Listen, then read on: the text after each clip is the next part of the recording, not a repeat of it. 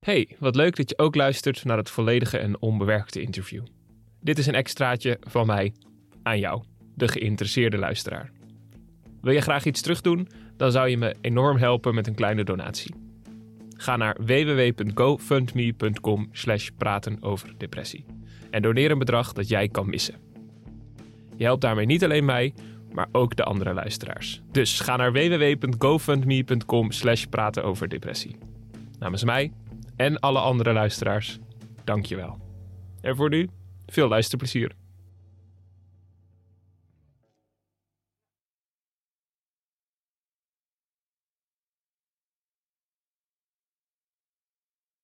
Ja, ik heb eigenlijk denk ik um, één, nou ja, één, één vraag aan je en één vraag voor je die ik, die ik vaststel. En de eerste vraag is gewoon, wil je je voorstellen? Ja.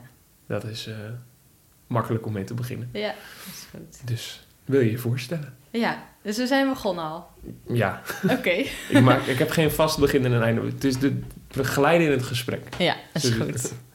Nou, mijn naam is Lisa Sonneveld en um, ik ben werkzaam als kind- en jeugdpsychiater bij de Care Express. Dat is een onderdeel van de opvoedpolie in Amsterdam. En um, ja, dat. Ja, en je hebt een specialisatie in LHBTI of? Nou, ik heb um, uh, als psychiater ben je opgeleid tot arts en daarna doe je meest specialisatie. En die heb ik dus in psychiatrie gedaan. Eerst volwassenen deel en daarna een aandachtsgebied voor kind en jeugd. En gedurende die specialisatie heb ik me eigenlijk verder verdiept um, in de doelgroep LHBTIQ jongeren uh, en hun mentale gezondheid. En waar kwam die fascinatie vandaan bij jou? Ja, um, nou die was wel tweeledig. Um, enerzijds uh, omdat het me opviel dat uh, veel van de ja, volwassenen en jongeren die ik zag, um, nou, dat, er, dat die worstelden met hun identiteit of met hun seksuele oriëntatie. En dat hun psychische klachten eigenlijk daaraan verbonden waren. En anderzijds uh, ja, dat ik zelf biseksueel ben en in een lesbische relatie zit. En dat ik ja, zelf goed weet hoe het is om in een heteronormatieve mm -hmm. wereld te leven. Ja, kijk, ik voel me heel bevoorrecht over uh, hoeveel positieve um, reacties en omgeving, ervaringen ik heb in mijn leven. Uh, maar ik voel me vanuit mijn vak, ja, voel ik me ook verantwoordelijk om juist voor deze groep uh, op te komen en aandacht te vragen. Um, dus ja, eigenlijk van, ja. vanuit die twee dingen. Maar je zegt wel, ik weet hoe het is om in een heteronormatieve wereld te leven. Nou, ik denk dat ik me um, over het algemeen, heel generaliserend, ja. maar uh, meer dan een mogelijk een cisgender hetero persoon meer daartoe verhoudt. Dat ik ja. het automatisch meer zie. Um, dat ik bijvoorbeeld ook in mijn werk uh, veel. Uh, ja, dat het me opviel dat ik neutralere vragen stel over: hey, heb je een relatie? Uh, of hoe zie jij je genderidentiteit? Oh, ja. Dat ik dat überhaupt vroeg. En dat ja. het voor mij best wel normaal was om dat te vragen. Terwijl ik collega's vaak hoorde vragen aan een jongen: van hey, heb je al een vriendinnetje? Mm -hmm. En andersom. Um, dus daarin viel dat me op en denk ik dat het, dat het in die zin logisch is. Ja, dat, ja. Het, dat het voor mij een thema werd om meer aandacht voor te vragen, omdat ik zag dat het eigenlijk, naar mijn mening, te weinig uh, aandacht voor is. En is het een goed idee dat dat, een, dat, dat dat van jou dan een specialiteit is? Of zou eigenlijk gewoon een algemene uh, alertheid moeten zijn bij alle psychiaters? Ja, heel fijn dat je dat vraagt. um, ja, ik denk zeker dat laatste. Um, maar zoals het vaak is met dingen die onderbelicht zijn, is het eerst nodig dat je, ja, um, dat je er specifieke aandacht voor vraagt, waarna het hopelijk uh, generaliseert. En dat is, ja, daar komen we denk ik ook meteen wel op een stuk van hoe de gezondheidszorg nu is geregeld, de psychische gezondheidszorg voor deze groep. Yeah omdat het enerzijds echt als expertisezorg is aangemerkt, met name voor de transgenderzorg. Dat oh, is ja. natuurlijk het VUMC daar um, nou ja, koploper in en heeft daar ook wel baanbrekend onderzoek gedaan. Um, en inmiddels is er uh, voor jongeren op meer plekken in het land uh, transgenderzorg beschikbaar, maar nog veel te weinig. Daarom zijn al die -hmm. wachtlijsten er. Um, en wat je ook merkt is dat op ja, andere plekken vaak mensen toch zeggen van ja, hier heb ik toch niet genoeg verstand van. We verwijzen en we kunnen er niks mee of we doen er niks mee. Uh, terwijl je eigenlijk zou willen dat iedereen er wat van af weet. Uh, Mhm. Net zoals dat je ja, over autisme uh, bijvoorbeeld zeg je ook niet van ja, uh, ik weet er niks mee, ga maar naar het Ja. autisme-expertisecentrum. Natuurlijk, weet je. Als, Maar denk je dan eigenlijk van, hallo, je bent psychiater, je verdiept je er maar in? Ehm, nou, ik denk dat je. ehm, kijk, je kunt verwachten dat iedereen overal wat van weet, maar Mhm. dat is ook niet realistisch. Ik Ja. denk vooral dat het belangrijk is dat eh, mensen ook ehm, meer bewust worden van hun eigen bril. Ja, Eh, waar kijk je doorheen? Wat is je eigen referentiekader? En als je daar meer bewust van bent, dan nou, kun je ook opener gesprekken ingaan en zie je ook meer nou, de hiaten. Mhm. Ehm, en ik denk vooral ook dat niet alleen de psychiaters eh, daar meer bewustzijn, bewustzijn van zouden kunnen hebben, maar juist de hele brede groep aan behandelaren. Mhm. Dus ook eh, psychologen, maar ook maatschappelijk werkers. Ehm, ja, Ja, over de hele brede linie, denk ik. ja, dan zijn we chronologisch eigenlijk al aangekomen bij eh, de psychiatrie, dus de behandeling. ja. Maar ik ben hier ook omdat eh LHBTI'ers een eh, kwetsbare groep zijn voor het ontwikkelen van depressie. ja. Dus ik ben eigenlijk ook benieuwd naar, al- naar wat er allemaal gebeurt voordat je bij een psychiater terechtkomt die misschien niet een, een idee heeft van waar je tegenaan loopt. ja. Ehm, wat maakt volgens jou LHBTI'ers een kwetsbare groep? Ja. Ehm, ja, even kijken. Ehm, nou, wat je ziet sowieso aan de cijfers is dat er dus veel meer psychische klachten voorkomen onder de LBTQ Ja, jongeren. Ehm, en nou is ehm 1 op de 10 jongeren ongeveer is in de breedste definitie van, Mhm. eh, van de groep eh LBTQ+er. Ehm sommigen zeggen van nou het is 1 op de 15, maar het is in ieder geval dus best wel een grote groep. Ehm, en eh, je ziet dat bijvoorbeeld ehm, ja, depressie, maar ook angstklachten, zo'n ja, soms drie keer zo vaak voorkomen in deze groep. Mhm. En dat ze qua ja, suicidaliteit, dus qua gedachte aan zelfdoding, ehm, daar ook veel meer last van hebben. En ik denk dat het ook belangrijk om, is om te noemen bijvoorbeeld dat ja, poging tot zelfdoding, dat die onder de LHB-groep 4,5 keer vaker voorkomen dan onder de hetero-groep. Hm. En tien keer zo vaak voorkomen onder de transgender groep. Ja. En dat is gewoon enorm. ja. Ehm, en waarom dat nou is, ja, daar is, er, zijn... is er een an- misschien weet je dat, is er een andere groep? Ik bedoel, ik behandel kwetsbare groepen. Is er een andere groep waarbij dat zo'n sterk eh, eh, verhoogd is, dat aantal? Ehm, nou, ik denk dat er wel overlap is met ook eh, de factoren die meespelen in deze groep. Dus bijvoorbeeld eh, ehm, het voorkomen van trauma. Ehm 20% van de LHBT'ers die is slachtoffer van gewicht, gericht geweld. Eh, en onder de transgendergroep is dat zelfs 40%. Eh, maar ook eh, als je vraagt naar ehm, het meemaken van kindermishandeling of emotionele verwaarlozing voor je 16e jaar, dan is dat grofweg twee keer zo hoog Ja. onder de transgendergroep dan onder de cisgendergroep. ja. Ehm, dus, nou ja, we weten dat het meemaken van dergelijke trauma's ehm, een groter risico geeft op Mhm. depressie, eh, op allerlei eh, psychische klachten. Ehm, en ook bijvoorbeeld eh, pesten komt veel meer voor onder deze groep. En ook dat is een vorm, die, vorm van trauma ja, die daar enorm aan kan bijdragen. Dus dat is een voorbeeld. Ehm, maar ook de factor minderheidsstress. Ehm, dat is eigenlijk het idee dat je, doordat je onderdeel bent van een minderheid, ehm, word je minder gerepresenteerd. Hm. Ehm, maar ook val je vaker buiten de norm. Je valt vaker op. Dat kan in positieve zin, maar ook in negatieve zin. En als mens zijn we toch best wel vaak, ehm, ja, dat, dat weten we gewoon, geprogrammeerd in eh, het uitsluiten eh, van eh, iets dat opvalt. Hmm. Van mensen die opvallen. En dat gebeurt zeker niet altijd. Je kunt ook heel goed uh, inclusief zijn.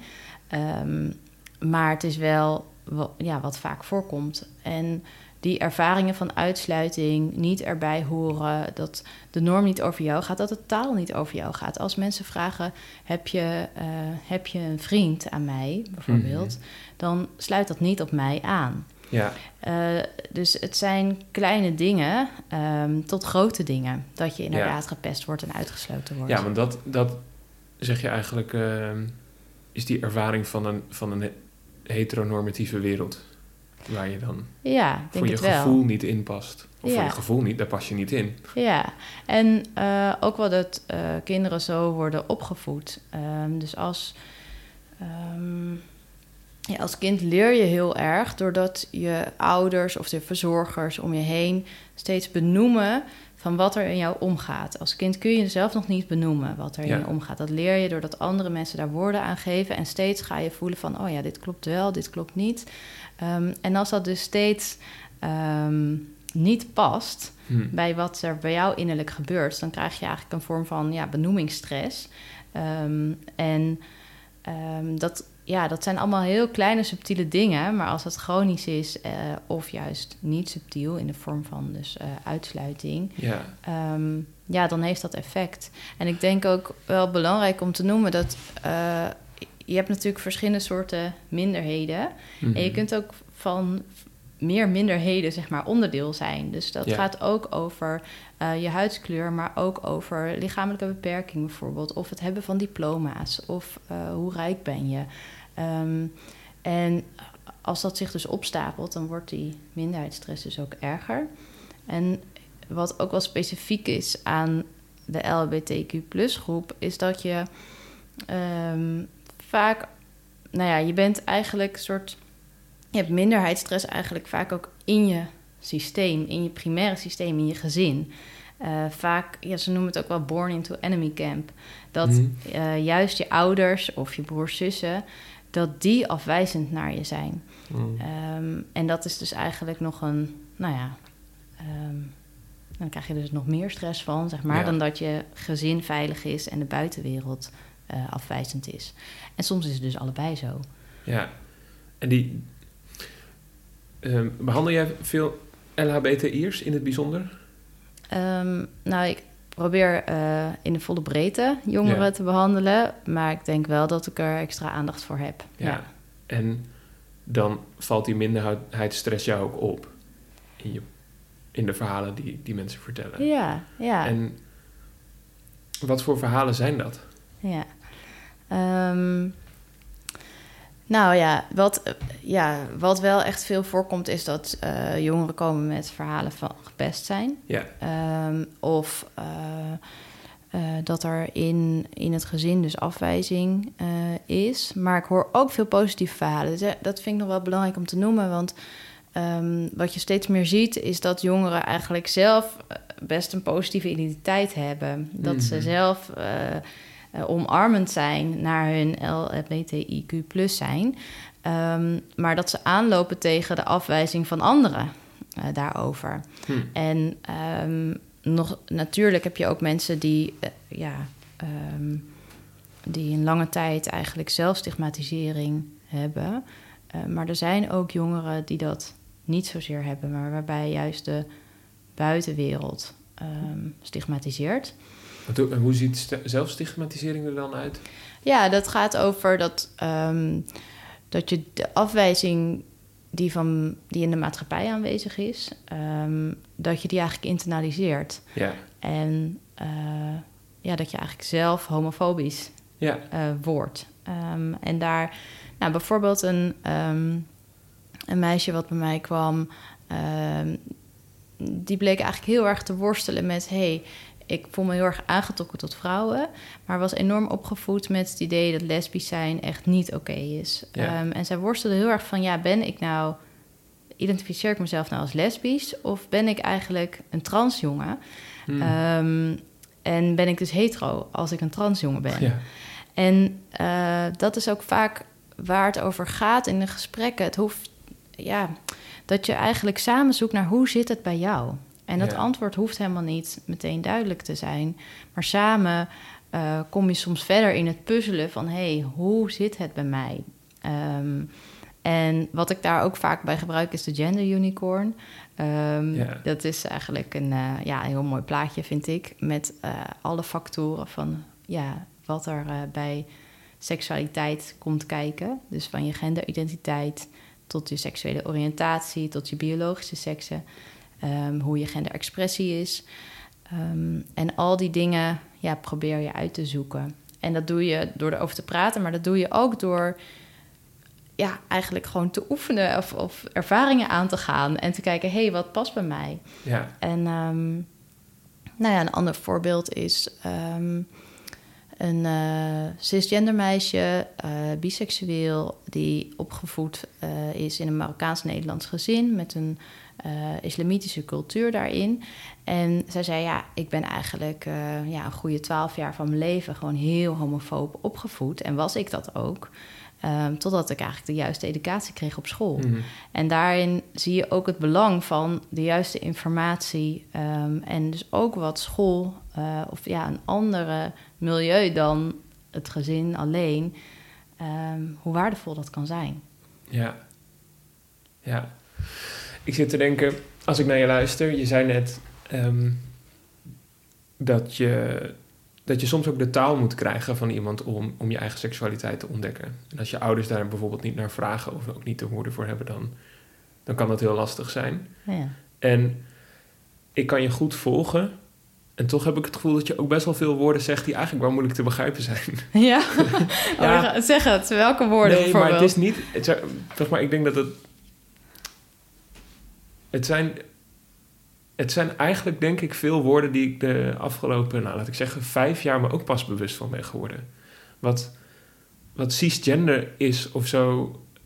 En überhaupt LHBTIQA en Ja. zo. Het zijn, de- er, zijn best wel, er is best wel veel, voor mijn gevoel, nieuwe taal of zo. Die ik ook nog aan het internaliseren ben dan of zo. Ja, Ehm, ik heb hier niet per, per se een vraag over, denk ik. Volgens mij is het gewoon een, een observatie die Ja. ik heb. ja, ik denk wel dat het heel eh, belangrijk is dat er dus meer taal komt. Want als je dingen beter kunt benoemen, dan kunnen ze ook ja, eh, er meer zijn en eh, ja, meer mee vibreren. Ja, Ehm, dus hoe specifiekere taal je hebt en hoe meer dat aansluit, hoe meer in- inclusie Ja. mensen ook ervaren. Ja, En dat is steeds zoeken, want de taal verandert ook steeds. Omdat het dus zo Mhm. is van, hé, hey, wat past? En wat, eh, ja, wat is daarin ook respectvol? Ehm, dus dat is zoeken met elkaar. ja, ja. ja. ja. want ik zit me ook voor te stellen, ik maak deze podcast. Ik zeg altijd, ik maak deze podcast voor mensen met een depressie. ja. Eh, die kunnen dan de- daarna luisteren en daar misschien herkenning in vinden. En ik maak dan ook een aflevering over boeren of mantelzorgers, chronisch zieken. Dus allerlei groepen mensen. En ik, ehm, ik, ik, als ik gewoon naar je luister, ben ik gewoon, hoop ik gewoon dat mensen dat volgen of zo. Of die taal ook. ja. Ja, Nou, eh, wat je ook hebt is bijvoorbeeld van Movisie. Die Mhm. ehm, eh, doen veel in eh, onderzoek naar deze groep.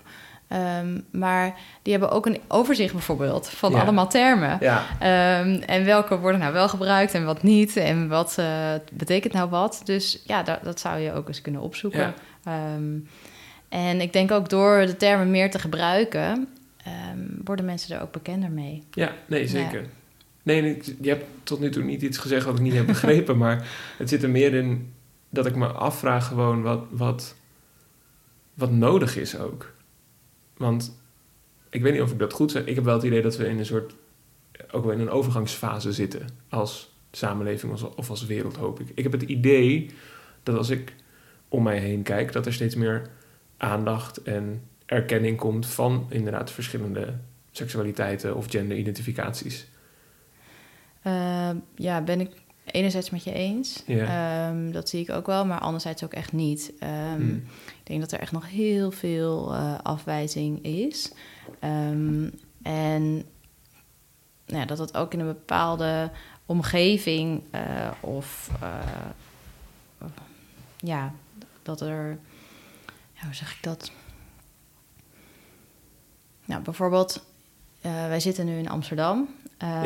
En daar zal het denk ik iets meer zichtbaar zijn en meer geaccepteerd dan in de andere delen van het ja. land. Aan de andere kant, ook in Amsterdam, uh, is heel veel gericht homogeweld. Het neemt ook ja. toe. Um, en nou, ik vond bijvoorbeeld heel uh, sprekend in de film Pisnich the Movie. Mm -hmm. Daar zit een fragment in um, van een vader en een zoontje die voor de supermarkt worden geïnterviewd. Um, en er wordt gevraagd van, bent u homo? En uh, die vader is eigenlijk meteen heel afwijzend en ongemakkelijk mm. en lachend. Uh, van, nee, dat ben ik niet. En um, uh, nee, dat, dat zal ik ook nooit zijn. En ook niemand hoor, die ik ken.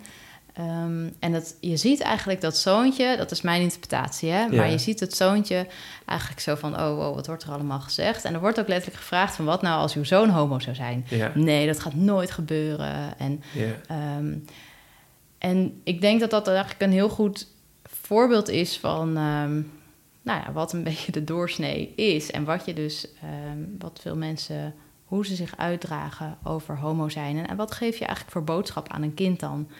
Dan die kan bijna niet daar Hmm. uh, veilig over naar buiten komen of dat in zichzelf überhaupt onderzoeken. Want Ja. überhaupt het onderzoeken is eigenlijk al iets wat ja, niet veilig is. Nee. Um, dus ja, Ja, ik dat denk lijkt dat me dat zo heel lastig belangrijk aan, is. want je hebt echt op, op microniveau inderdaad te maken. Kijk, ik denk dat, dat, ik snap wel wat je zegt. Ik denk dat als je heel veel Nederlanders vraagt, heb je een probleem met homo's. Dat ze zeggen, oh nee hoor. Maar tegelijkertijd zit, zegt iemand, ik ken dat niet of dat ben ik niet in een soort afwijzende houding. Wat eigenlijk al iets communiceert over... Enorm, ja. Ja. En ik denk ook dat uh, onder religieuze groepen... dat er juist wel ook heel veel afwijzing is naar homo's... of naar LHBTQ-plussers. Um, dus het is ook maar aan welke referentiegroep je zelf denkt... Uh, waarin mensen zeggen van nee, daar heb ik geen problemen mee. En Ja. ook het zeggen van ik heb er geen problemen mee... is ook iets anders dan uh, wat leuk en wat fijn. Ja, ja. Um, dus ja, ik denk dat we daar veel in hebben te winnen. Ja, nee, zeker. Dat denk ik ook. En wat betreft religieuze groepen, daar kan, daar kan ik dan wel over meepraten. Ik vind dat altijd... Ik weet niet eens of ik dat in de, in de edit durf te laten. Want ik vind het van mezelf altijd een vreemde opmerking. Maar misschien kun jij, daar, kun je daarop reageren. Ik heb me altijd... Ik identificeer mezelf als hetero. Mhm. En ehm, ik heb toch altijd... eh, hoe zeg ik dit? Een soort verwant gevoeld met LHBTI'ers. In de vorm van dat ik volgens, volgens mij heel, heel sterk wel het gevoel van uitsluiting heb ervaren binnen een religieuze opvoeding. En het niet kunnen zijn wie je bent, of het gevoel niet te kunnen zijn wie je bent. Eh, en ik, gewoon, ik, ik heb altijd wel een heel sterk gevoel bij dat.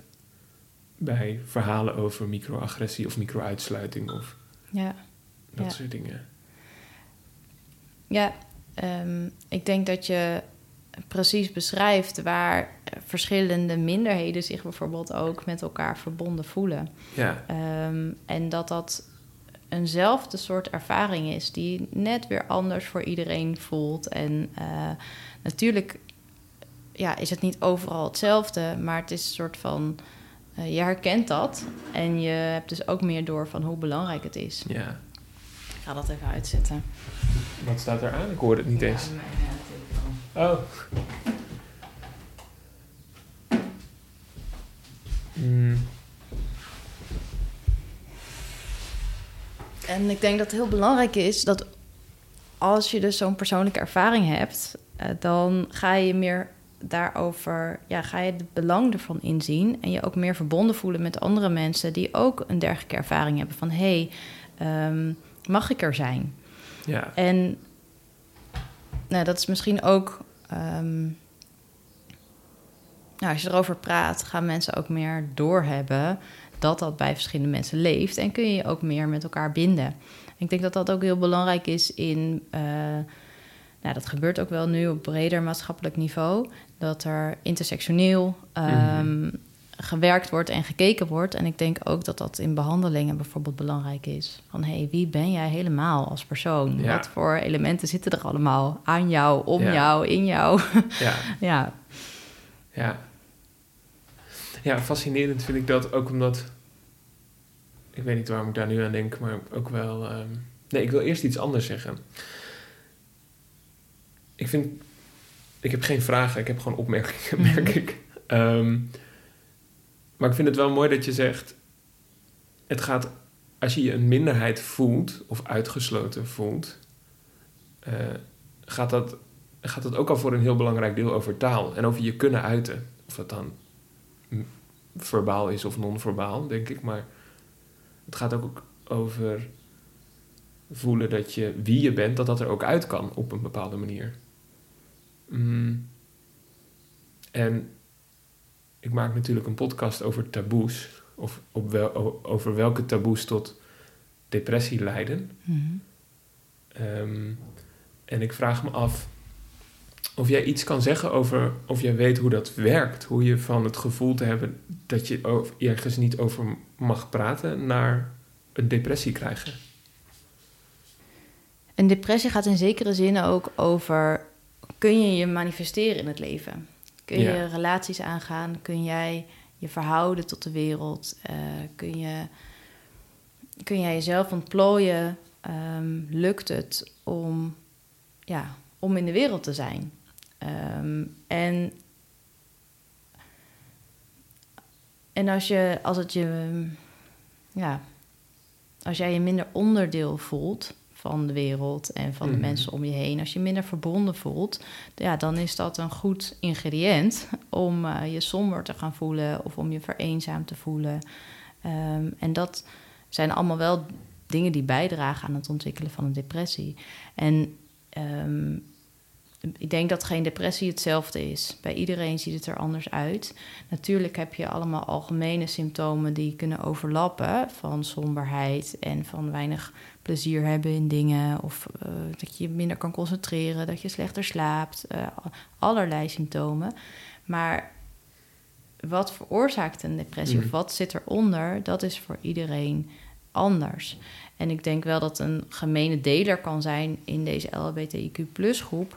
Ehm, nou ja, in hoeverre voel je je verbonden en gesteund en gezien? En als mensen zich niet verbonden voelen en niet gesteund, ehm, ja, dan, ehm, vo- ja, dan voel je je eenzaam. Mhm. En ehm, dan ligt somberheid op de loer, denk ik. Ja. Ja. Ja. En wat, want als je zegt, het, het gaat ook over hoe, in welke mate je kan zijn wie je bent. Mhm.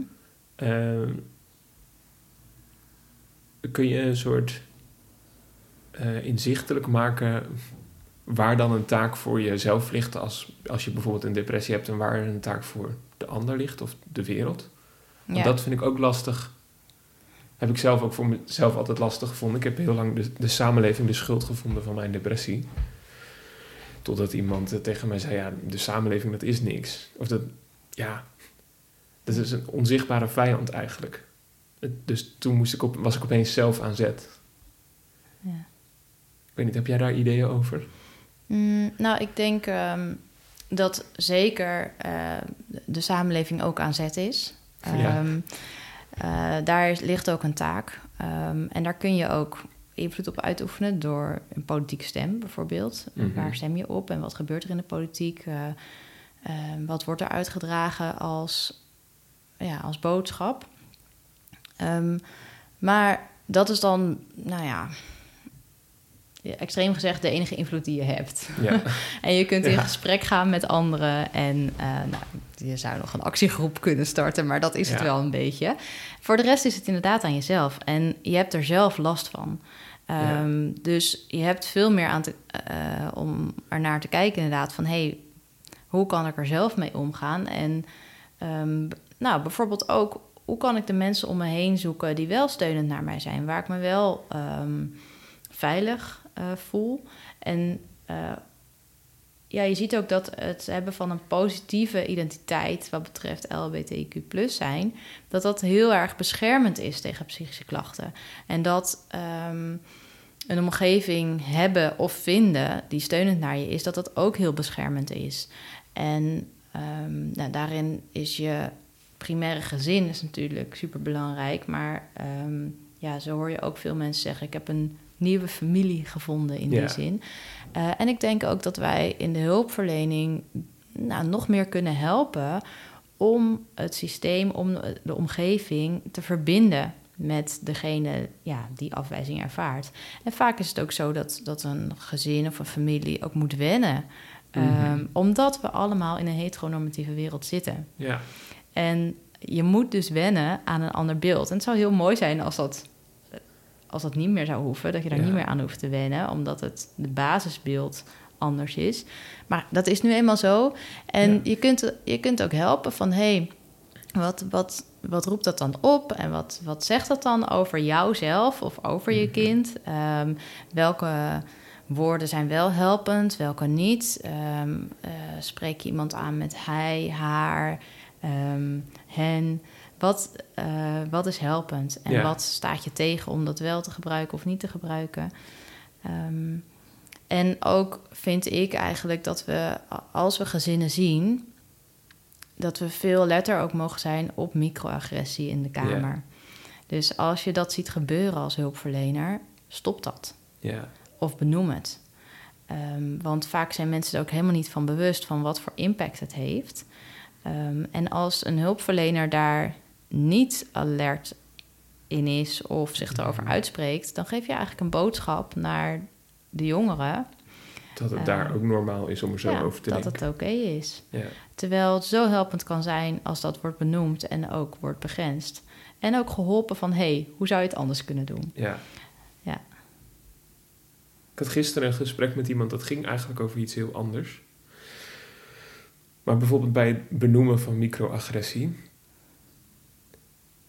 ik denk dat je daar wel ook een bepaalde mate van intelligentie voor nodig hebt om het überhaupt waar te nemen. Um, zeg maar als je dat, ja, ik weet niet, is dat, dat vind ik zo moeilijk. Nou, ik noemde het net dat we in deze tijd dan misschien in een overgangsfase zitten, wat misschien niet helemaal zo is. Maar in ieder geval, ik merk dat er in taal dus meer, meer uh, bewustzijn van komt. Maar ja, uh, ik heb, ik heb me daar wel echt bewust op in moeten lezen en mijn best voor doen of zo, omdat bijvoorbeeld iemand aanspreken met hen vind ik heel lastig. Moet ik gewoon ontzettend aan het wennen, want daar ben ik helemaal niet gewend. Ben je niet mee opgevoed? Nee, ben je niet mee opgevoed. En ik ben best een talig persoon, dus dat kost... Dus ik dacht, nou, dat moet ik kunnen, maar toch betrap ik me er vaak op als ik in gesprek met iemand ben die zo wenst aangesproken te worden, dat ik daarin dan fouten maak. Um, het lijkt me lastig als je ja, ik stel me zo voor, gewoon laag opgeleid bent of in een laag opgeleid gezin opgroeit en dan vraagt voor ze naar zo'n aanpassing. Dat, dat, kost wel veel moeite, denk ik. Ik bedoel niet dat die mensen die moeite niet moeten doen. Ik denk dat we die moeite moeten willen doen. Maar ik stel me voor dat het een heel lange, zware transitie is. Ja, ja ik uh, heb die zorg eigenlijk niet zo. Ik oh. denk um, uh, meisje, jongen uh, of iets ertussen. Hem, haar, hen. Um, ja, wat is eigenlijk het verschil? Mm -hmm. um, en het gaat vooral over, over het vaker gebruiken. Ja. En uh, het is niet gek om, om daaraan te moeten wennen. En ja, je noemt fouten. Ik weet niet of het fouten zijn als je het, als je het probeert te doen. Mhm. en, um, en af en toe vergis je je of denk je van, oh ja, is dit nou passend of niet? Uh, ik denk dat de intentie veel belangrijker is. Mhm. Um, en dat het ook in afstemming is met de persoon over wie je praat of met wie je praat. Um, maar ik denk inderdaad wel dat het helpend is als dat dus van jongs af aan uh, ja. al meer gebruikelijke termen zijn. Ja. ja. ja. Maar ik denk niet eigenlijk per se dat dat met intelligentieniveau te maken heeft. Nee, oké. Weet je waarom niet? Dat je, of gewoon als in... Ja. Um,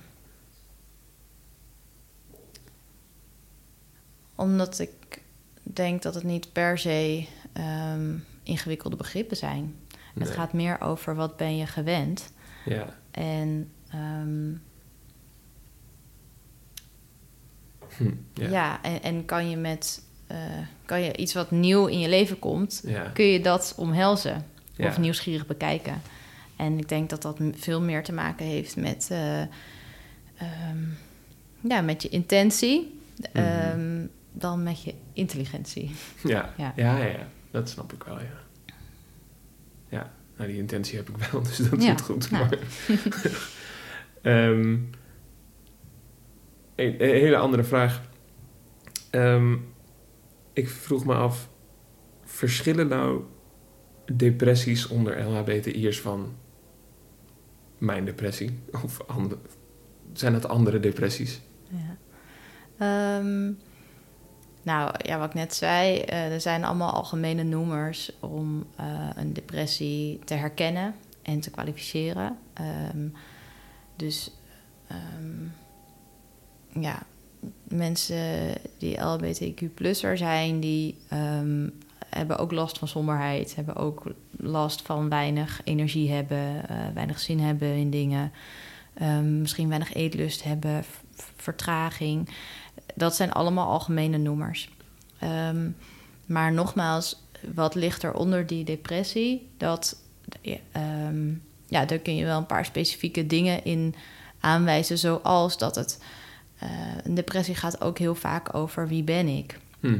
Ehm, niet altijd, maar het kan zo zijn. En dat is natuurlijk juist bij jongeren die LBTQ-plusser zijn, eh, juist een thema. En ehm, daarnaast gaat het ook heel erg over eh, veiligheid om je heen. Ervaar je steun, ervaar je verbondenheid met de mensen om je heen. Nou, daar hebben we het ook net over gehad. Het gaat ook over, ehm, heb je traumatische ervaringen gehad in je leven?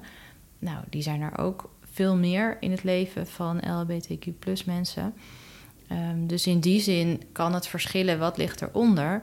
En eh, de oplossing, of de oplossing, ja, de- Mhm. de weg uit een depressie eh, heeft altijd te maken met wat, wat is de oorzaak? Wat zijn de Ja. oorzakelijke factoren? En dat zijn er altijd verschillende. Het is nooit Ja. één ding. Ehm, dus ik denk ik vind wel. het ook altijd zo'n moeilijke vraag als mensen zeggen... waarom werd je depressief? Dan denk ik, ik loop, zit, loop in mijn hoofd direct een donker bos in... waar ik weer de weg kwijt ben. Ja, Ik heb geen idee waarom Ja. dat gebeurde. ja, Nog steeds niet. Maar jaren therapie. ja. Ik bedoel, ik kan van, al- kan van alles noemen... maar dat blijft een soort vreemde samenloop van heel veel dingen. Ja, ja en ehm, eh, ik denk dat bijvoorbeeld ook het hebben van die minderheidsstress, dat dat meespeelt. En als je dus eh, een jongere ziet of een volwassene en eh, je hebt het over die depressieve symptomen en, ehm, en je vraagt niet actief naar ehm LHBTIQ plus zijn, ehm, naar genderidentiteit, naar seksuele oriëntatie. Dat kan gewoon op een neutrale manier. Heel vaak mis je dan dat dat speelt. Ja. Eén, omdat misschien iemand zelf niet helemaal doorheeft van dat het ermee te maken heeft. Ehm, maar twee, omdat het toch niet altijd helemaal duidelijk is of het veilig is om daarover te hebben. Terwijl als je de vraag een keer stelt, Mhm. misschien geeft iemand er niet meteen antwoord op, maar eh, is in ieder geval duidelijk, hier kan het daarover gaan. Ja. En ik heb het ja, meermaals meegemaakt dat, dat mensen al ergens anders eh, waren geweest. En dat gewoon met een simpele, neutrale vraag. Ja. Ehm, nou, een jongen bijvoorbeeld die ehm, in een psychose was geraakt. En in die psychose ja, een behoorlijk ge, ehm, geweldsdelict had gepleegd. En daar, op basis daarvan werd ik als psychiater toen nog in opleiding gevraagd om een onderzoek te doen van hey, in hoeverre speelt psychische kwetsbaarheid mee hierin. En ehm, hij was al op meerdere plekken en langere tijd eigenlijk in behandeling. Ehm, en ik vroeg hem van, eh, heb je een relatie? Heb je ooit een relatie gehad? Val je op jongens of meisjes of allebei? Ehm, en toen zei hij, ja, ja, ik eh, ben dus eh, biseksueel en ik heb daar enorm mee geworsteld. en ik weet dat mijn vader heel afwijzend daarin is vanuit zijn Mhm. christelijke geloof. Ehm, en ik heb daar super veel stress van gehad. eh, en bleek dat eigenlijk die stress en ehm, een aantal ehm, ja, gebeurtenissen rondom zijn biseksualiteit. vlak voor het moment dat hij echt in een psychose doorschoot. ja, luxerend was voor Hmm. die psychose. En Luxerend? uitlokkend. Oh ja. ja. En het is nooit zo, net als bij een depressie, kun je ook een psychose niet aanwijzen van hé, hey, dit ene ding is de oorzaak. Dat is een hele Nee. waaier Ja. van, eh, ja, van oorzaken. Maar het speelt mee. En het Ja. is heel belangrijk om daar aandacht voor te hebben. ja, want het is bij hem dus ook heel lang onbenoemd gebleven. Ja, en toen ik. kwam Ja. ik eh, en ik vroeg die vraag. En toen zei hij ook van... jeetje, ik heb dit eigenlijk nooit verteld. En pas als je het daar dan over kunt hebben... Ja. ehm, nou ja, kun je denk ik ook ehm, een aandoening in zijn geheel eh, aanspreken. en Ja, want wat doet dat met mensen als, je, als, die vraag, als ze die vraag gewoon een keer krijgen op een neutraal gestelde manier? Ehm, nou, het kan zijn, eh, eh, ja, ik heb vaker wel meegemaakt dat mensen een soort van verbaasd ook bijna zijn. Van, of Ja. opluchting van, oh, wat fijn dat het daarover kan gaan.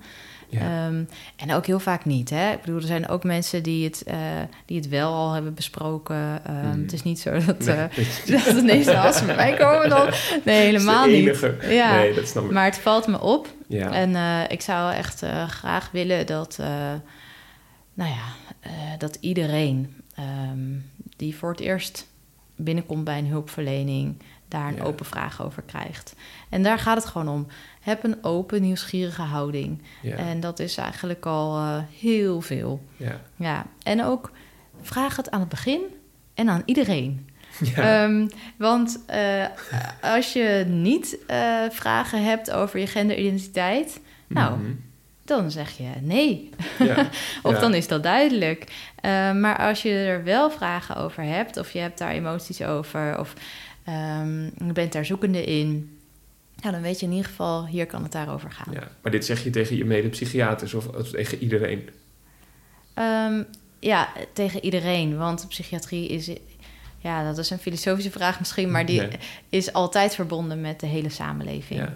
Ehm, maar zeker als mensen om hulp komen vragen, dan moet het er zeker over gaan. Maar ik zou ook tegen iedereen eh, Ja. in de wereld willen zeggen van... ja, als je in contact met iemand bent, stel gewoon een open vraag. Heb je een relatie? Ja. Ja. Ja. Ja, nee, dat denk ik ook. Ja. Ik vind het grappig, ik zie aan je dat je het, je wilde het bijna soort erin zeggen van iedereen die dit hoort. Ja. Ja, grappig. Ehm, ik wil even pauze. ja, dat is goed. Nou, we zijn ook best al even in gesprek. Ja, dat idee heb ik ook. Ja. En is heel veel gezegd. En ik heb dan altijd vooraf in mijn hoofd dat ik een soort lijn wil maken. En dat gebeurt dan nooit, wat helemaal niet erg is. Maar Ja. dat vind ik gewoon grappig om te merken. ja.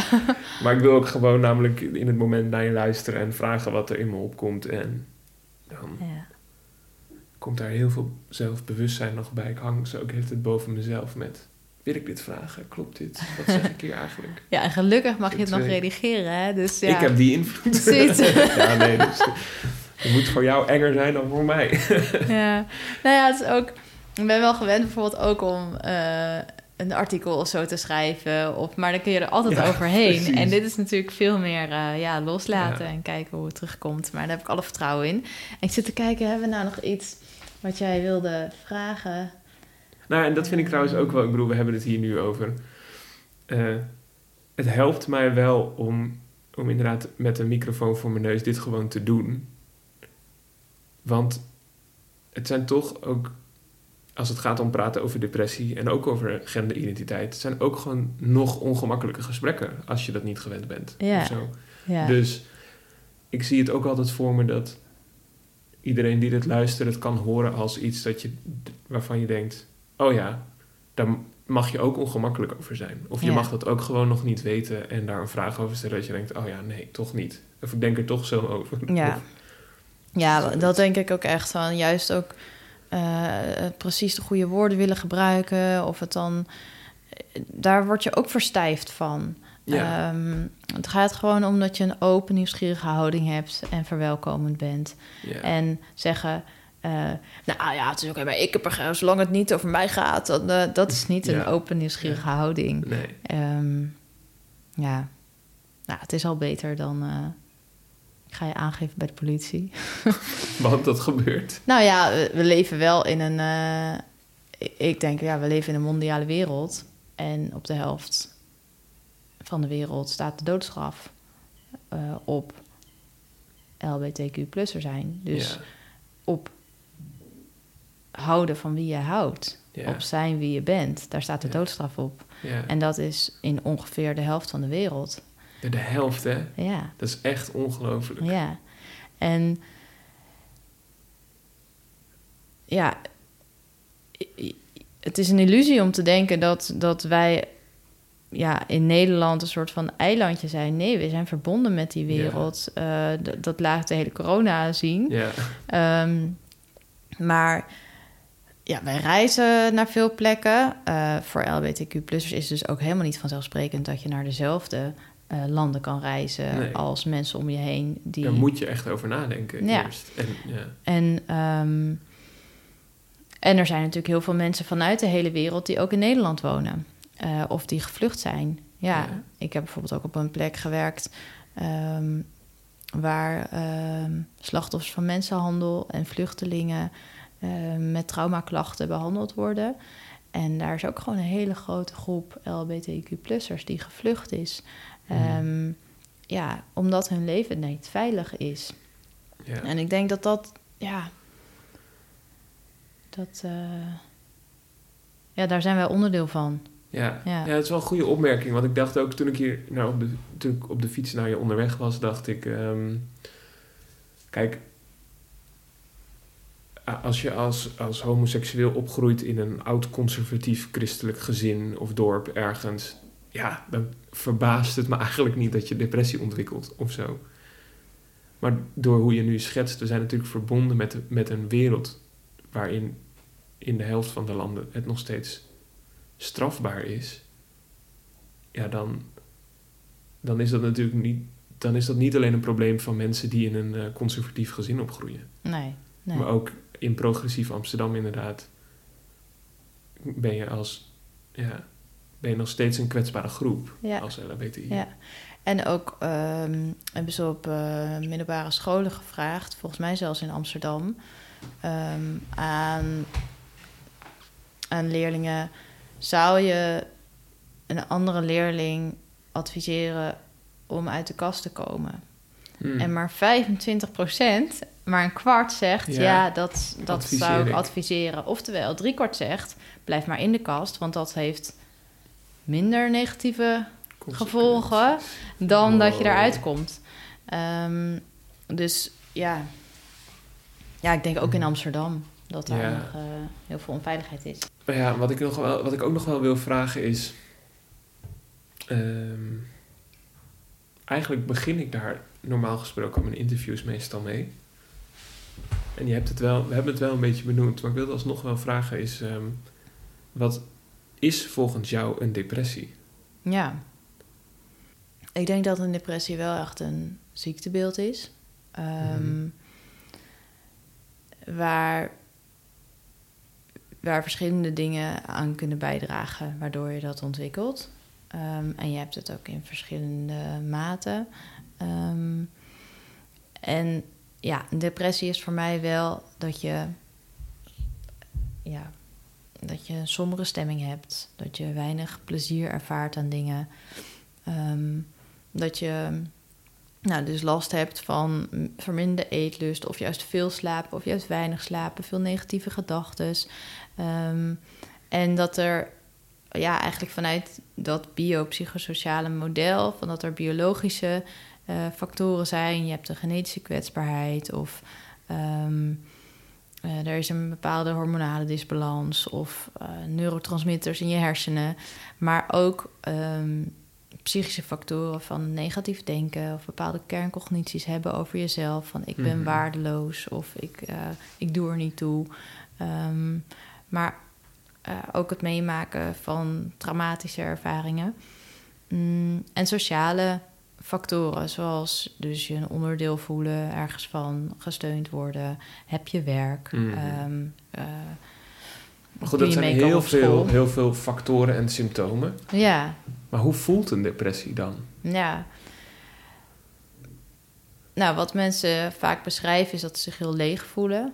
Ehm, dat ze, maar ook wel inderdaad somber voelen. Dat ze een soort vernauwing krijgen van hun denken en van hun voelen. In ook wel gedachten aan de dood en dat als enige oplossing zien. Ehm,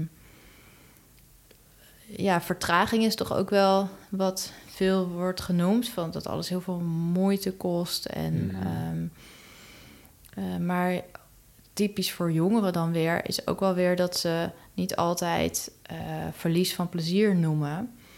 Eh, omdat ze kortdurend nog wel Mhm. ja, kort plezier kunnen hebben in de activiteit, Ja. maar dat het eigenlijk daarna heel vluchtig weer weg is. Of Ja. dat het in veel minder activiteiten is.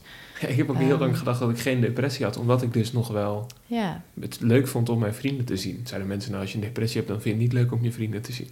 ja, Dus dacht ik, nou oké, dan heb ik dat niet. ja, dat is bij jongeren echt wel ook anders dan eh, bij volwassenen. Ah ja. Ja. Ehm, en dus ja, hoe voelt een depressie? Ehm, dat zijn dingen die mensen veel zeggen. Of een hele donkere wolk boven Mhm. je hebben hangen. Ehm, en ik denk dat iedereen wel ja, eh, af en toe een ervaring heeft van je somber voelen. Ehm, en dat als je dat enorm uitvergroot, nou, dan krijg je, kun je een beetje verhouden Ja. tot hoe een depressie voelt. ja. Ehm, maar beschrijven hoe een depressie is. Ja, misschien moet je dan in de kunst eh, Ja. kijken. Ja, waar, waar op een andere Ja. manier dan met woorden ehm, uitdrukking ook wordt gegeven aan hoe dat is. ja. Ja. En wanneer moet je je zorgen maken als je denkt, oké, ik ben somber en ik denk vaak aan de dood?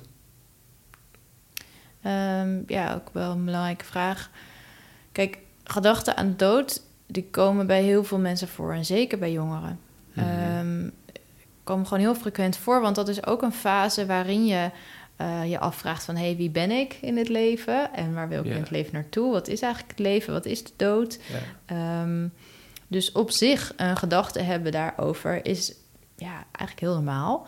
Ehm, maar als die gedachten eh, vaker voorkomen ehm, en als je merkt van hé, hey, ik denk echt na over hoe ik dat zou willen doen, ehm, als ze in combinatie met andere klachten zijn, dus dat je je somber voelt of dat je slechter slaapt, dat je veel piekert, Mm. eh, ja, dan eh, vind ik dat wel iets om zorgen over te hebben, zeker.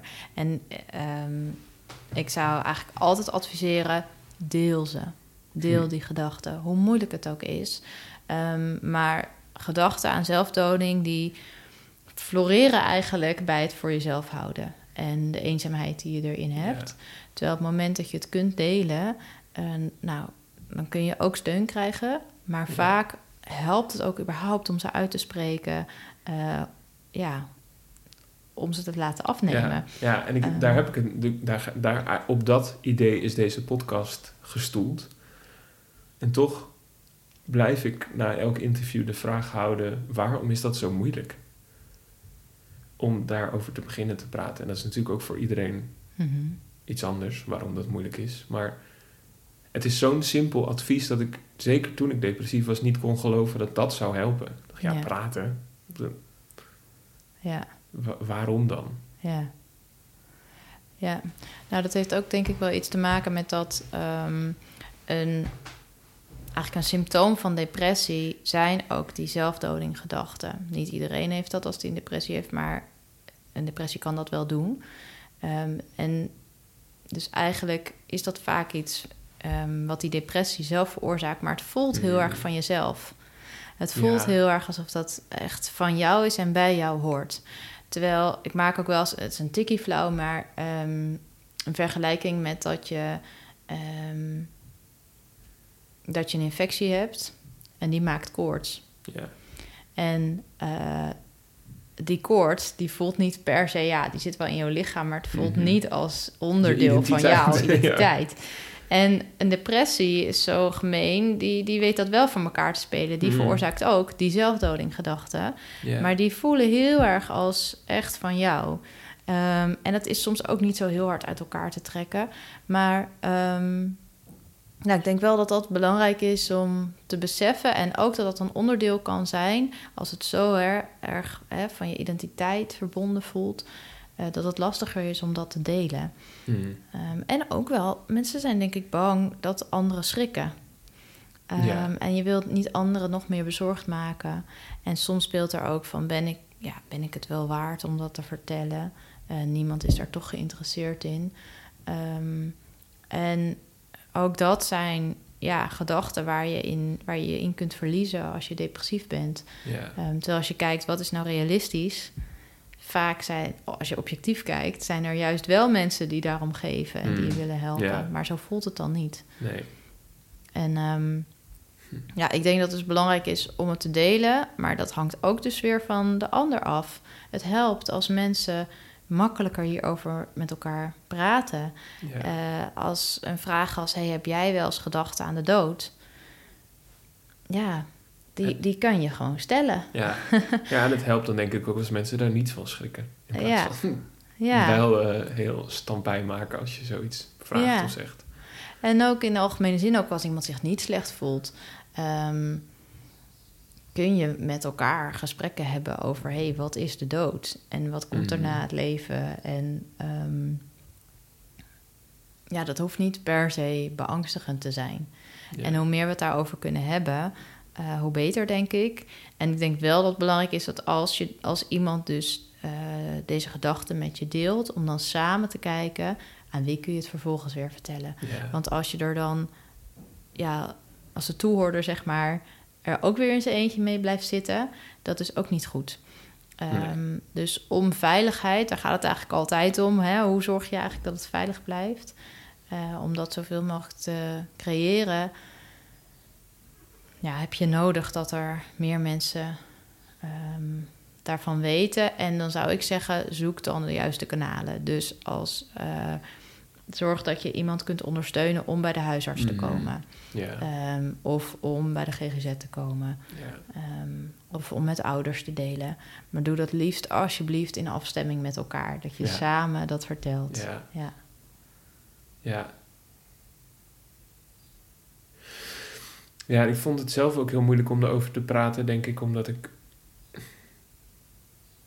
Ja. Waar ik gewoon heel erg over in de war was op den duur, is of het wel echt was. Of ik wel echt die depressie had. Of dat ik het gewoon een soort zelf had bedacht of gemaakt. ja. Eh, En wat zou dat uitmaken? nou, als ik het zelf had bedacht, dan, dan was mijn idee, dan kon ik er gewoon mee stoppen met me zo voelen. Het was een soort alsof ik. Ik heb heel. Dus, ja, ik heb wel vaker over gehad, ook in de podcast wel. Ik heb dus best wel lang het gevoel gehad dat ik mijzelf mijn depressie had aangemeten. Dat ik het dus als een soort jas had aangetrokken. Omdat ik dacht. Ehm, ik had dan ook de, de mythe van Sisyphus gelezen of zo, snap je? Mhm. En zo nieuwe ideeën over het leven. En ik dacht, en depressie is ook ergens wel... eh, ik had een soort romantisch beeld bij van de gekwelde kunstenaar. En eh, ik las heel veel boeken... eh, ook die, die over, over dat soort existentiële vragen of fictie. Maar, ehm, en op een gegeven moment dacht ik... Ah, het komt gewoon doordat ik zoveel heb gelezen... of dat ik er zoveel bij stilsta... ja, daar word je ook depressief van. Dus ik dacht, als ik gewoon daarmee stop... dan gaat het wel over of zo. En daar was ik heel lang van in de war, eigenlijk. Ja. Eh, en toegeven... Ja, ik had eigenlijk pas door... Toen ik, toen zonder blikken of blozen, zeg maar, wel plannen aan het maken was... ook om dan met het leven te stoppen. Toen dacht ik wel... de volgende ochtend weet ik nog dat ik daar heel erg van geschrokken was. Dat ik dat had gedaan. Toen dacht ik wel, hè, dat klopt. Dat, dit, het, gaat, het gaat echt niet goed met me. Ja. Maar dat duurde zo lang voordat ik dat zelf ook zo zag en snapte. En ook dus leerde zien dat er dus iets was waar ik over moest praten. Ik had niet het idee dat er iets was waar ik over moest praten heel lang. Ja. Het klinkt ook wel alsof het, dat het dan zo geleidelijk ook gaat. Ja, Ehm, en ook een soort van erkennen... Ja, erkennen dat er iets niet goed gaat met je. Ja, Dat op zich is al een hele stap. ja, Ja.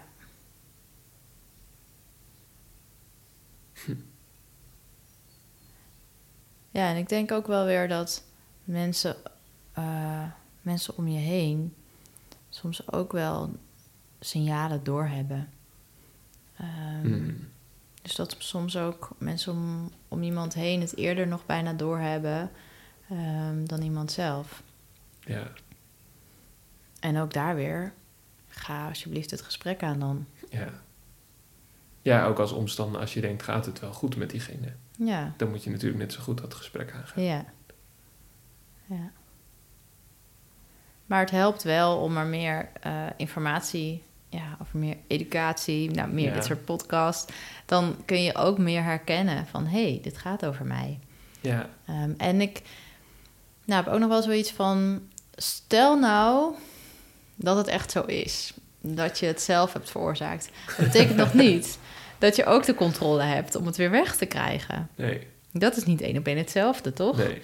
Ehm, dus eh, ook al zou dat waar zijn, Ja, dan nog, eh, ja, zegt, ja, kan het heel goed zijn dat het dan niet lukt om... eh, daaruit te komen. Ja. Ja, ja.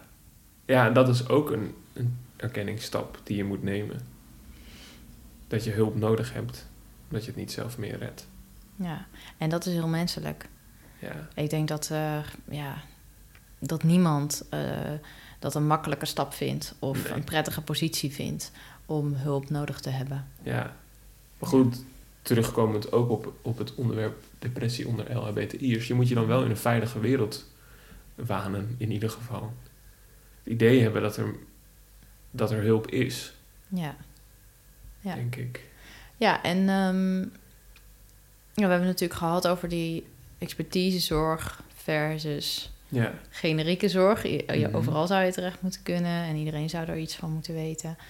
Ehm, en toen hebben we het ook gehad over de transgenderzorg. Maar er is eigenlijk niet echt specifieke LHB-zorg. hm. Eh, daar zijn niet echt plekken voor naar mijn weten. En anders Mhm. hoor ik het heel graag als Ja. iemand het wel weet. Ehm, en ik weet dus ook niet hè, of dat nou echt de bedoeling is. Want ik denk dat het mooier is als er overal ehm, een veilige zorgplek is. Ehm, maar wat, je, wat ik bijvoorbeeld bij eh, de Bascule, waar ik heb gewerkt tot vorig jaar, eh, heb gedaan, is samen met collega's ehm, eh, eigenlijk een organisatiescan eh, uitvoeren. Mhm. En dat was in samenwerking met de Rutgers eh, Stichting. Nou ja. Expertisecentrum voor Seksualiteit. En zij hebben eigenlijk aan alle medewerkers van de organisatie, van de receptie tot de ICT, tot de hulpverleners, tot de directie, Mhm. een vragenlijst rondgestuurd. ehm, van hey, ho- hoeveel aandacht is er eigenlijk in de organisatie voor de LHBTIQ groep? Maar ook hoe veilig is het, ook onder medewerkers? Mhm. Uh, durf je uit de kast te komen? Ehm, en eh, hoe veilig is het bijvoorbeeld op groepen? Ehm, en de resultaten van zo'n scan kun je heel goed gebruiken. Van hé, hey, waar zitten verbeterpunten in een organisatie? En eh, uiteindelijk ehm, nou, kan het ook gebruikt worden om eh, een roze loper certificaat aan te vragen. En Mhm. wat is dat? Dat is eigenlijk ontstaan in de ouderenzorg. Toen de eerste generatie mensen die uit de kast leefden... Eh, in een uh, ouderenverzorgingshuis moest...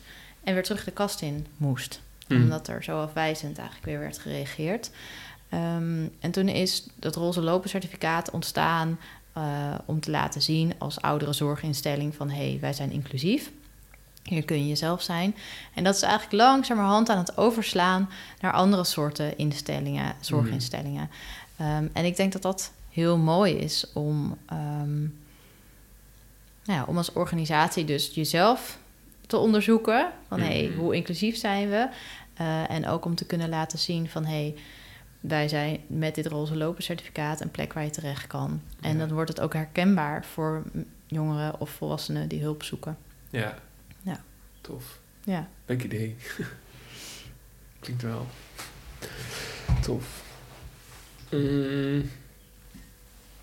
Ik denk dat ik er een beetje doorheen ben. Voor mijn gevoel. We hebben echt superveel eh besproken. Ja. En ik schrijf, eh, of ik laat eigenlijk tegenwoordig alles uitschrijven. Dus om eh, die mensen ook werk te besparen, moeten we misschien ook ophouden. En Ja. ik heb volgens mij superveel materiaal, dus dat, eh, ja, dat komt goed. Dus... leuk. mm, ben je blij met het gesprek? Heb Ja. je voor je gevoel gezegd wat je wilde zeggen? Ja, ik denk het wel. Ja. Ehm, ja, volgens mij wel. Ja, wat, nou, misschien wat ik nog wel graag eh, had willen zeggen is dat onder de LBTQ plus groep ook dus die breed maatschappelijke factoren ehm, ja, zo spelen. Dus minder inkomen hebben, minder werk hebben, Mhm. vaker een burn-out hebben. Ehm, en ik denk dat dat ook belangrijk is in het ontstaan Mhm. dus van een depressie. En ook hoe goed lukt het je om er weer uit te komen? Omdat het hebben van werk Ja. en het hebben van inkomen Helpt. en helpt. Ja. Ja, Ehm, dus ja, ik denk dat dat nog wel een belangrijke is. Ja. ja, ja, ja. Want ik er denk ik echt uit meenemen uit het gesprek is dat ik meer een beeld heb ook van de, van de uitsluiting op microniveau, inderdaad. En dat dat in taal en in een baan of in een reis maken of dat soort zulke kleine dingen zit. Als je de hele tijd daarbij bewust moet zijn van jezelf en daar bovenop de ervaring hebt dat je dus buiten de norm valt. Ja, ik kan me gewoon voorstellen dat dat heel zwaar op je gaat drukken. En heel, heel, ook heel vreemd gevoel moet zijn. Dat je tijd denkt, wa- ja, hoe, hoe moet ik me nou tot deze wereld verhouden? Ja. Ja, en dan kan dus inderdaad de wereld daarin inclusiever worden en veranderen. Mhm. Maar vooral, hoe ga je daar dan zelf mee om? Hoe heb je daar minder last van? Ja. En eh, hoe kun je ja, het eigenlijk juist als iets positiefs en fijn zien... Mhm. dat je niet de norm bent. ja. Ehm, dus, maar dat zou ook een prachtig onderzoek zijn voor de toekomst. eh, om te onderzoeken, hey, hoe ga je om met die minderheidsstress of Ja, daarbuiten vallen? ja. En wat helpt daarin? Ja. En als we dat beter begrijpen, van hey, wat is daarin helpend? ja. Ja, dan kun je dat ook gaan inzetten. Ook in de behandeling van depressie bij specifiek mensen die last hebben van denk- minderheidsstress. Ik denk dat we, nou, dat, dat ik persoonlijk daarin al, voor mijn gevoel, heel veel geleerd heb van de LHBTIQ-gemeenschap. Omdat die volgens mij, bijvoorbeeld dat hele principe van een, een, een familie hebben ergens, of zo, een, een family in de. Ja. Ik weet dat dat onder drags bijvoorbeeld heel sterk is. Die bouwen een huis en dat zijn sisters. En dat is zo krachtig. En dat Ja. is, dat, daar gaat zoveel power van uit. En die, dat, dat vind ik wel echt ja, super cool, maar ook heel troostrijk ergens. Ik dacht, ja, natuurlijk willen we naar een samenleving waarin het door elkaar kan bestaan. Dus laat, dat, laat ik dat gezegd hebben. Maar alsnog vind ik het heel, heel mooi en bewonderenswaardig hoeveel mensen die eh, in, dan tot een minderheid behoren, wel zichzelf ja, eigenlijk organiseren en ook hun trots terugvinden en uiten. Ja. Dat, ja, dat is sowieso lijkt me een les voor iedereen. Ik bedoel, dat, is een, dat kan, kan iedereen in zijn leven doen. Ja, Dus Ja, dat... een eh, mooi positief einde, Ja. toch? Dan zet ik hem uit. Yes. Deze podcast wordt betaald door jullie, mijn luisteraars. Wil jij ook een bijdrage doen? Ga naar www.gofundme.com slash praten over depressie. En doneer een bedrag dat jij kan missen. Dus www.gofundme.com slash praten over depressie. Namens mij en alle luisteraars, dankjewel. Benieuwd naar de volgende aflevering? Abonneer je dan op Praten over Depressie. Vertel je vrienden over de podcast en laat een review achter in jouw podcast app.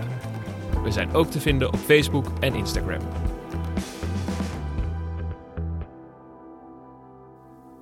Denk jij aan zelfmoord of ben je bezorgd om iemand? Bel 113 of ga naar 113.nl.